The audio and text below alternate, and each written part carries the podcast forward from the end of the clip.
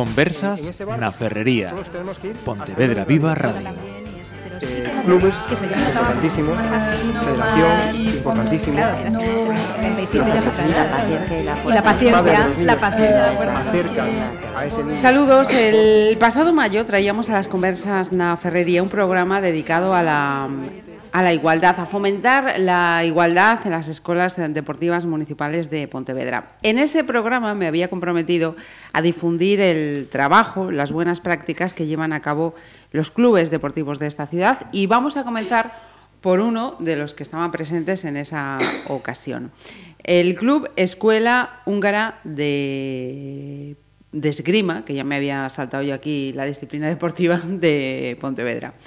Así que Adrián Cubela, bienvenido de nuevo. Hola, muchas gracias. Adrián eh, nos había acompañado en esa ocasión, eres el director técnico de este club escuela. Sí, así es. Eh, tenemos también hoy a otras cuatro chicas.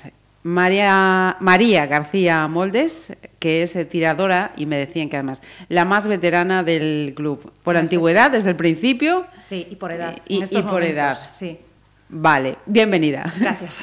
y saludamos también a otras tres eh, tiradoras sablistas, que yo me estoy también enterando de muchas cosas con, con, estos programas. Todas ellas pertenecen al equipo de sable M14, es decir, al equipo infantil. Y paso a presentarlas. Patricia Gutiérrez, bienvenida. Hola. Leire Grande. Hola. Un poquito más fuerte, Leire. Que te oigan bien, ¿eh? En casa. Y Pilar Garnelo. Hola, Hola. buenos días. Muy bien.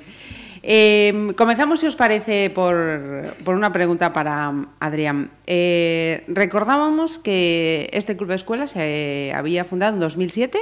2008. 2008. Empezamos con los trámites en 2007 y en, en 2008 digamos que empezamos la, la, lo que es la, las actividades, mm. las clases. Cuando abrís este, este club, esta escuela, eh, ¿con qué expectativas se, se, plantea?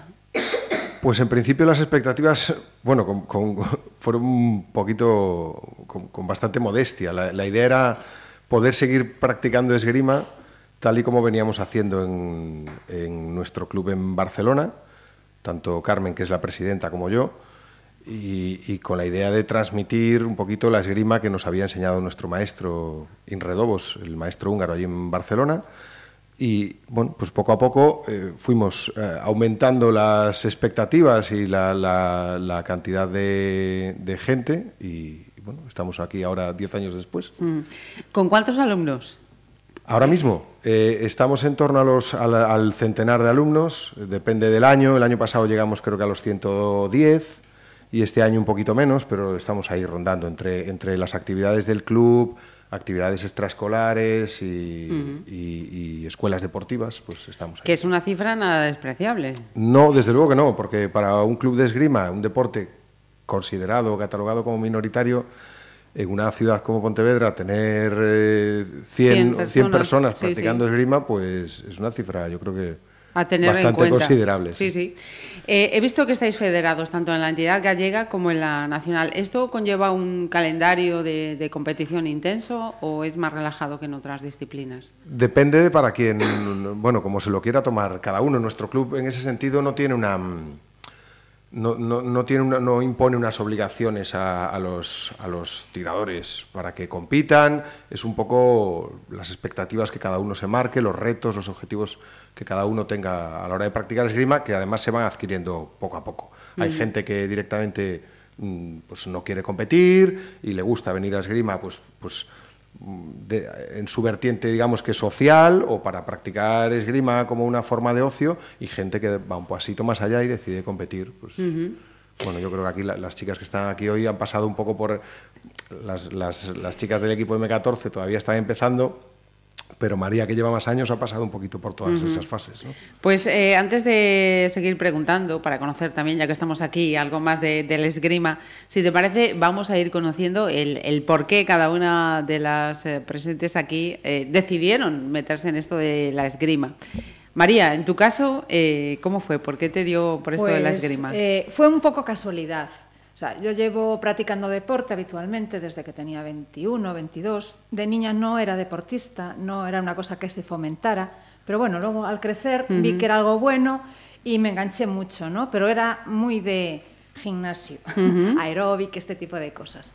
Claro, pasaban ya después de 20 años yo ya estaba un poco harta de, ¿y ahora eh, qué hago? Porque ya había hecho de todo. Y un día, tomando un vino con mi marido en la zona vieja, pues vi un cartel, clases de esgrima para adultos. Y siempre me había llamado muchísimo ese deporte, ¿no? Eh, cuando lo veía en la tele me quedaba como estasiada mirándolo y tal. Y dije, ay, qué bien, pues me apunto. Es que, vamos, yo creo que ni fui a ver la clase aquello de, ven a ver, a ver si te gusta. Ya de cabeza, de cabeza y aquí sigo después de 10 años. Eh, ¿Y tu trayectoria en estos 10 eh, años en el ámbito de competición? ¿Te has querido meter ahí? ¿Has dicho, no, yo practico el esgrima eh, sin, bueno, sin presiones? Sí, he ido a alguna competición, a, los campeonatos a nivel gallego nada más, Bueno, hubo un año, nada más. bueno, hubo un año que incluso gané el campeonato gallego en el 2010. Caramba. Y bueno, y luego nada, algún ranking, alguna competición interna entre nosotros. Eh, pues sí, pero bueno, eh, ya estos años ya no, competir no. Además me pongo muy nerviosa en la competición. me bloqueo muchísimo. en, los, por ejemplo, en las competiciones internas que hacemos entre nosotros. Sí, se llevan de otra manera. Más relajada porque conoces a todo el mundo y tal. Eh, de hecho, en el grupo de adultos hubo hace como dos o tres años éramos varias chicas, todas mayores de 25 y tal, y, nos hicimos una liguilla para nosotras y nos lo pasábamos fenomenal. Pipa, sí señor. Y, mm, a ver, eh, Pilar, cuéntanos, ¿tú por qué te metiste en esto de, esgrima? ¿Cómo fue? A ver, yo fui a un, a un campamento, al HQR, y que se hacen muchos deportes, y uno de ellos era esgrima, y fui el año siguiente, y me gustó cada vez más hasta que me metí. Ajá. Y ya ¿Con qué años entraste? Con ocho años. Con ocho añitos. Y encantada de la vida. ¿Y Leire? Eh, yo conocí la esgrima porque lo veía en películas y así, me gustaba, pero no sabía que se practicaba en Pontevedra. Y un día de broma, buscando deportes, porque quería hacer más deportes, la encontré y me apunté. Y luego, después de un año, me apunté al club. Y en estos tiempo que llevas, encantada. Sí. Patricia, cuéntanos tu eh, caso. Pues yo hacía tenis y ballet, pero después de muchos años me harté un poco del ballet, entonces eh, tenía mucho tiempo libre, entonces eh, busqué atletismo y eso, y, pero no me coincidían los horarios, entonces luego vi un libro en que aparecía la esgrima, entonces me gustó, entonces le dije a mi madre que yo quería hacer esgrima, entonces luego cuando mi madre me dijo que efectivamente había un club en Pontevedra, pues me quedé un poco en shock porque no sabía yo de esto. Y entonces fui a probar y me gustó y ahí sigo. Eh, Adrián, estamos charlando con cuatro chicas. Eh, en el anterior programa hablábamos de, esta cuestión, ¿no? de deportes que, traen a más chicos que chicas, más chicas que chicos. En el caso de la esgrima, ¿esta presencia femenina nos eh, dice algo sintomático de que haya más chicas que chicos? No, no, no, no es, no es sintomático pero lo que decíamos un poco, según las edades, que yo creo que lo habíamos comentado ya otra vez, eh, sí que es verdad que en los grupos de esgrima para, para adultos encontramos grupos más numerosos de, mujeres y de chicas. Yo creo que un poco por lo que habíamos comentado, que llegada a una cierta edad, pues a la, gente un poco se desprende de ciertos prejuicios y de, del que dirán a lo mejor, que sí que influye más en otras edades, y entonces sí que encontramos grupos de chicas más, más numerosos. En el caso de María, en el grupo de adultos, sí es sintomático, es representativo, desde luego. Sí. Fíjate que, lo decíamos la otra vez y María nos decía ahora, eh, de niña no era deportista eh, y luego con los años, efectivamente, o sea que es el claro ejemplo de, lo que venimos eh, explicando, ¿no? Em, volvemos un poquito al, deporte en sí para ir alternando las experiencias y conociendo. Eh, ¿Qué tipos de, escrimas se imparten en el, club? Pues la verdad es que con los años hemos ido aumentando nuestra, nuestra oferta deportiva. Empezamos practicando y, enseñando sable, que es la modalidad, un poco en los clubes de, esgrima eh, se funciona de esta manera. Tú impartes un poquito la modalidad que has practicado como deportista. Aunque sepas un poquito de las tres armas. Es que además de ser minoritarios en esgrima somos tan, tan chulos que tenemos tres armas y encima nos dividimos. Entonces vamos tan sobrados que tenemos sable, florete y espada. ¿no? La modalidad que practicamos nosotros fundamentalmente es el sable, aunque yo soy maestro a las tres armas para, y he dado clases de florete y de, y de espada, pero sí que nuestra modalidad mayoritaria a nivel deportivo es el sable. Con los años hemos incrementado nuestra oferta. Desde el año 2012 tenemos eh, esgrima histórica, que es una modalidad que pretende recrear eh, la esgrima de los tratados antiguos, tanto medievales como renacentistas, y es un grupo que funciona muy bien, que ahora ya está compitiendo incluso a nivel internacional donde también hay chicas, eh, digamos que se, se pegan con armas muy pesadas, con armas de un kilo y medio, de dos kilos, con protecciones muy pesadas, pero que, que atrae también a bastantes chicas. Y, además tenemos eh, la modalidad de, esgrima adaptada que estamos tratando de implantar. Yo también soy maestro y técnico y árbitro de esgrima adaptada en silla de ruedas, que es una modalidad adaptada oficial. Y como novedad un poco estamos introduciéndonos con otros países en la modalidad de esgrima adaptada eh, para personas con discapacidad visual. No es oficial, no es una modalidad oficial, pero ahora mismo estamos, nuestro club es pionero en, toda, en España en esta modalidad desde hace unos años. Eh, trabajábamos conjuntamente con la ONCE en Pontevedra y, desde hace, y ahora estamos en un programa de la Unión Europea conjuntamente con otros países como Francia, Suecia, eh, Italia, Italia y estamos estos cuatro, nosotros representando a España y estamos estos cuatro países llevando a cabo un programa de la Unión Europea, financiado por la Unión Europea, para implantar esta modalidad de momento de forma experimental, progresiva, hasta que se pueda implantar como una modalidad oficial. Hemos acudido este año a un primer encuentro en Francia, organizado por el Club Francés. Ahora este verano nos vamos a Suecia, estaremos en Estocolmo, estaremos en Estocolmo porque organizan ellos el evento, les toca a ellos este verano y la idea es que nosotros, si no es esta temporada, la próxima temporada podamos organizar un evento para personas con discapacidad visual de toda Europa y que poco a poco pues se vaya implantando como una modalidad oficial. Sí, señor. Eh, María, ¿en qué, beneficios eh, reporta la, práctica del esgrima? Pues a mí lo que más me gusta del esgrima es que nunca te aburres. Porque, a ver, tiene una parte teórica, ¿no? Que es el, lo típico, los entrenamientos, la mano, los pasos, ta, ta, ta, ta. Pero lo divertido es, pues eso, los asaltos con los compañeros, ¿no? Cada asalto es distinto. Eh, y además te requiere tal concentración que a mí me vale para desconectar de todo. Tengo un trabajo un poco estresante. cuando voy a esgrima, eh, procuro centrarme en eso para olvidarme. A veces me cuesta, ¿eh? Sí, porque el trabajo pesa mucho, pero, pero sí. Y que luego eso, cada día es distinto. No es como ir a una clase de natación o de spinning o de aquagym, que siempre es más o menos sí, lo estás mismo, con... Cada vez que, eh, pues eso, y luego que va, vas conociendo muchísima gente, ¿no? De, todos los tipos, de gente súper interesante. Yo, o sea, yo en estos 10 años creo que he conocido más, gente que, ningún otro que, ningún otro periodo de, mi vida. Y, eso y, gente pues de todos los tipos además, ¿eh? pero muy bien muy bien o sea la experiencia ha sido muy buena siempre. Vamos a preguntarles a ellas. Venga cualquiera de las tres que diga qué es lo que más le gusta cuando va a las clases de esgrima eh, a mí me gusta la esgrima porque, como dice María, es un poco de relax, de desconectar del resto de, o sea, de lo que haces, actividades. Y además tienes que estar muy concentrada porque no puedes hacer lo mismo con todos tus rivales porque son diferentes cada uno de ellos. Entonces, pues tienes que, como que concentrarte al máximo para poder ganar el asalto y si lo pierdes, pues como que te quedas ahí con tengo que volver a tirar para ganarlo y así intentar mejorar. Superarte. ¿Y Patricia? Eh, bueno, aparte de lo de concentrarse y todo eso, porque requiere muchísima, porque lo que dijo Leire antes de que no todo el mundo tira igual y tienes que planear una estrategia, eh, yo creo que eh, no como en otros deportes, por ejemplo el tenis, pues no hay tanto contacto físico. Entonces, a mí me resulta que la esgrima como que intimida más, entonces tú tienes que plantar más cara y por eso pues siempre tienes más ilusión. ¿Y, ¿Y, qué tal es la estrategia o como estratega, Pilar? Pues, a ver, no sé. Me tiene pinta de que buena.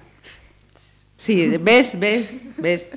Cuéntanos, ¿cómo, ¿Cómo te lo pasas? ¿Qué es lo que más te gusta del, del, esgrima? A mí también lo mismo que ella, es que cuando voy a clases me relajo mucho. Sí. Y pues, por ejemplo, a ver, a mí me baja mucho el azúcar también cuando voy a Mm. clases y me relajo mucho. Pero engancha, ¿no? Sí, bueno, Te engancha. ¿Y, y, y ha habido compañeros o compañeras a los que les hayas dicho, mira, tenéis que apuntaros a esgrima porque esto mola un montón? sí, en clase. Sí, y sí, que... es más, hay una niña que hace unos años, yo llevo unos años practicando y una niña de mi colegio se apuntó también. Dos niños. Ajá. O sea que cre- crea escuela, nunca mejor dicho. Sí, sí, sí. Sí, yo creo que además, si, si la gente está contenta y le gusta la actividad, no, no, no, hay, no hay mejor bandera que esa, ¿no? Desde luego. Eh, si me permites, me Sí, por gustaría, favor. eh, eh, bueno, porque eh, las veo, pero están siendo, eh, yo creo que muy modestas en sus comentarios. y me gustaría también recalcar, por ejemplo, en el caso de María, que su implicación va mucho más allá de ser una tiradora más. Eh, a- to- durante todos estos años, que lleva tantos años como el club funcionando, eh, su implicación eh, a- es máxima eh, hasta el punto de que siempre ha, ha tratado de formarse en cuanto a esgrima se refiere. Es por, por reseñar algunos, algunos de sus logros, digamos, es entrenadora de esgrima, titulada, es árbitro territorial, árbitro gallega de la- a las tres armas, de sable, fuerte y espada. Eh, tiene el curso de directora técnica de competiciones, es miembro de la representante de los tiradores de la Asamblea de la Federación Gallega de Esgrima y bueno, podría seguir, ¿eh? que tiene más cursos, formación y demás, pero por reseñar unos cuantos. Mo- modesta. Eh, es que mi Yo porque lo ha dejado ahí como, no, No, tiradora bueno. sin más, sin Pero más es no. que mi trabajo tampoco me permite, o sea, como digo yo, es aficionada, no ejerzo, solo a veces, a veces ejerzo, así para suplir o si necesitan alguna ayuda, pero, por ejemplo, arbitrar es una cosa que no me gusta. ¿No? Me he sacado el título, pero no sé, me causa mucha, eh, no sé, incertidumbre. Sí. sí, siempre tengo miedo de equivocarme y tal, ¿sabes? Eh, esa, esa circunstancia de, de María, por ejemplo, en el número de árbitros, ¿sois más los chicos que las chicas? O... Pues curiosamente te encontramos más gente, más chicas que quieren ser, ser árbitras que, que- que chicos. Ajá. Pero bueno, depende, te- depende también del año y, y de, y de, no sé, un poco, pero, pero sí, sí que tenemos muchas chicas arbitrando en las competiciones. Eh, habíamos hablado también en aquel programa que vuestro club eh, cuenta con una carta de valores. ¿Nos recuerdas, por favor, en qué eh, consiste ese...? Sí, a, a ver, tratamos de, de inculcar una serie de valores que estén marcados desde el principio, eh, para que además eh, todo el mundo en el club se, se comprometa a, cumplirlos. Eh, incluso tenemos muchos eh, en, la, en la sala que tenemos escritos en la, en la pared. Pues desde, desde la disciplina, el, el respeto, la humildad, el compañerismo y, y la audacia, que para nosotros es un valor muy Sí. importante. Aunque en realidad nuestro principal valor, que es nuestra bandera y nuestro emblema, es la, es la pasión. Y así lo usamos, es la pasión por la esgrima. Y tratamos de ser gente apasionada de nuestro deporte, transmitir esa pasión, de que la sienta todo el mundo en el club y de que ellos mismos sean estandartes, de que la misma gente del club sea estandarte de esa, de esa pasión por nuestro deporte. Mira, eh, comentabas antes eh, eh, el peso de, de las armas que utilizáis, ¿no? Mm, sí. Me hablabas de un kilo, dos kilos... No, eh, eso en cuanto a la esgrima histórica. Ah, el, el vale, sable vale, nuestro vale, deportivo, eh, el peso máximo es de 500 gramos, medio kilo, y bueno, es un arma relativamente ligera, no, no, no, no, es- no se hace Sí. pesada en la mano. Ajá. Eh, porque yo pensaba, habrá que, que trabajar una serie de, de partes del cuerpo no especial para estar... ¿Cómo, cómo, cómo es eso? O que nos lo expliquen ellas. Sí, sí, por entonces. favor, hablad vosotras, chicas. Venga, explicando, ¿cómo, cómo se hace para, para aguantar el trabajo en con, esos con asaltos? Tony, el trabajo con Tony, que es nuestro preparador físico. Eh, Venga. Pues aproximadamente tres días a la semana, dos, depende un poco. Eh, tenemos eh, entrenamiento físico con un preparador eh, y depende del día, pues nos manda o hacer circuitos, eh, fuerza explosiva y todas estas cosas. Y, Circuitos y fuerza explosiva. A ver, ¿eso en qué consiste? Cuéntame. A ver, me circuitos, está- eh, por ejemplo, de coordinación, pues con escaleras o lo que sea, eh, o tener que hacer planchas, tríceps, por ejemplo, que son muy necesarios para la esgrima. Y luego, pues, dedicamos una hora eh, en cada entrenamiento de los tres que tenemos. Y luego media hora, pues, lo dedicamos a tirar o, o lo que sea. Venga, Leire, Pilar, contadme. ¿Cómo son esos entrenamientos? ¿Cómo los lleváis? ¿Es la parte que más os gusta? Hay, hay que hacerla porque hay que prepararse, pero os gusta más. Pues, a ver, depende del día, porque hay días que son más relajados que otros y luego están días, días que son muy intensos y en los que prefieres irte a casa. Qué grande. Pilar, cuéntanos a ti, ¿te gusta el día que toca esas cosas? Yo, com- yo, a ver, aún soy más pequeña, entonces aún no me toca hacerlo. Ah, te, te libras. Ya he ido, ya he ido a algún entrenamiento y pff, cansamos. Qué grandes. Qué grandes. En cualquier caso, eh, María o Adrián, no hay que tener unas eh, cualidades físicas especiales ni tener eh, nada No. para ponerse a practicar la esgrima. No, lo que sí, a ver, es un deporte eh, en el que se trabaja mucho mm, la pierna, pierna, brazo. Ah, te iba a decir Eh, yo, fíjate, yo pensé brazo. que... Eh, tienes que tener buena coordinación, eso sí. Buf, entonces ya yo ya Eh, tendría que... Pero no necesitas especialmente una forma física espectacular, o Ajá. sea, una persona normal. Yo, de hecho, es la única actividad que hago hoy en día y, Sí. bueno, sí, al final de la clase sí, estoy con la lengua fuera, pero, pero bueno, se lleva bien, se- no, se lleva bien. Y lo de la fuerza explosiva que decía Patricia, bueno, es que es un deporte muy explosivo, o sea, es un deporte de arranque, ¿sabes? Sí. De chas, muy rápido, muy... Muy tal, no Sí, es como sí. estar corriendo, pero los asaltos, o sea, son muy rápidos y muy... Sí, movimientos muy rápidos, muy precisos. Muy precisos, exactamente, precisión, rapidez y, y velocidad. Por eso requiere una, sí. una Es concentración. explosivo, es Ajá. muy explosivo, muy de momentos. De ahí que requiere una concentración muy elevada, aunque durante cortos periodos de tiempo, pero una concentración muy, muy elevada y una explosividad de tren inferior, de piernas, eh, sobre todo para la gente de competición.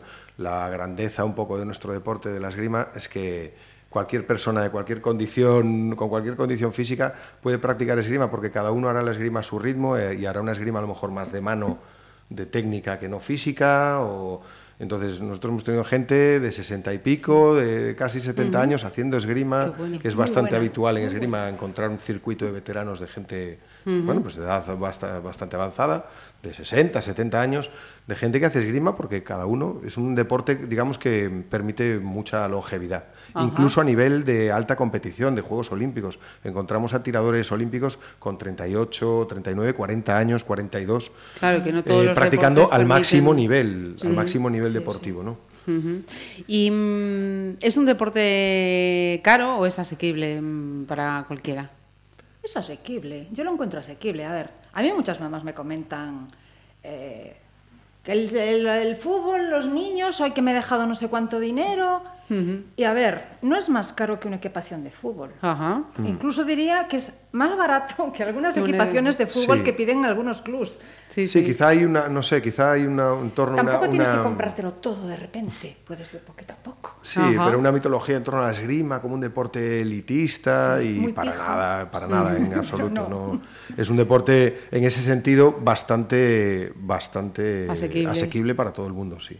Eh, en el siglo XIX, eh, al prohibirse los duelos, Sí, la esgrima pasa a enseñarse con fin deportivo únicamente. eso es.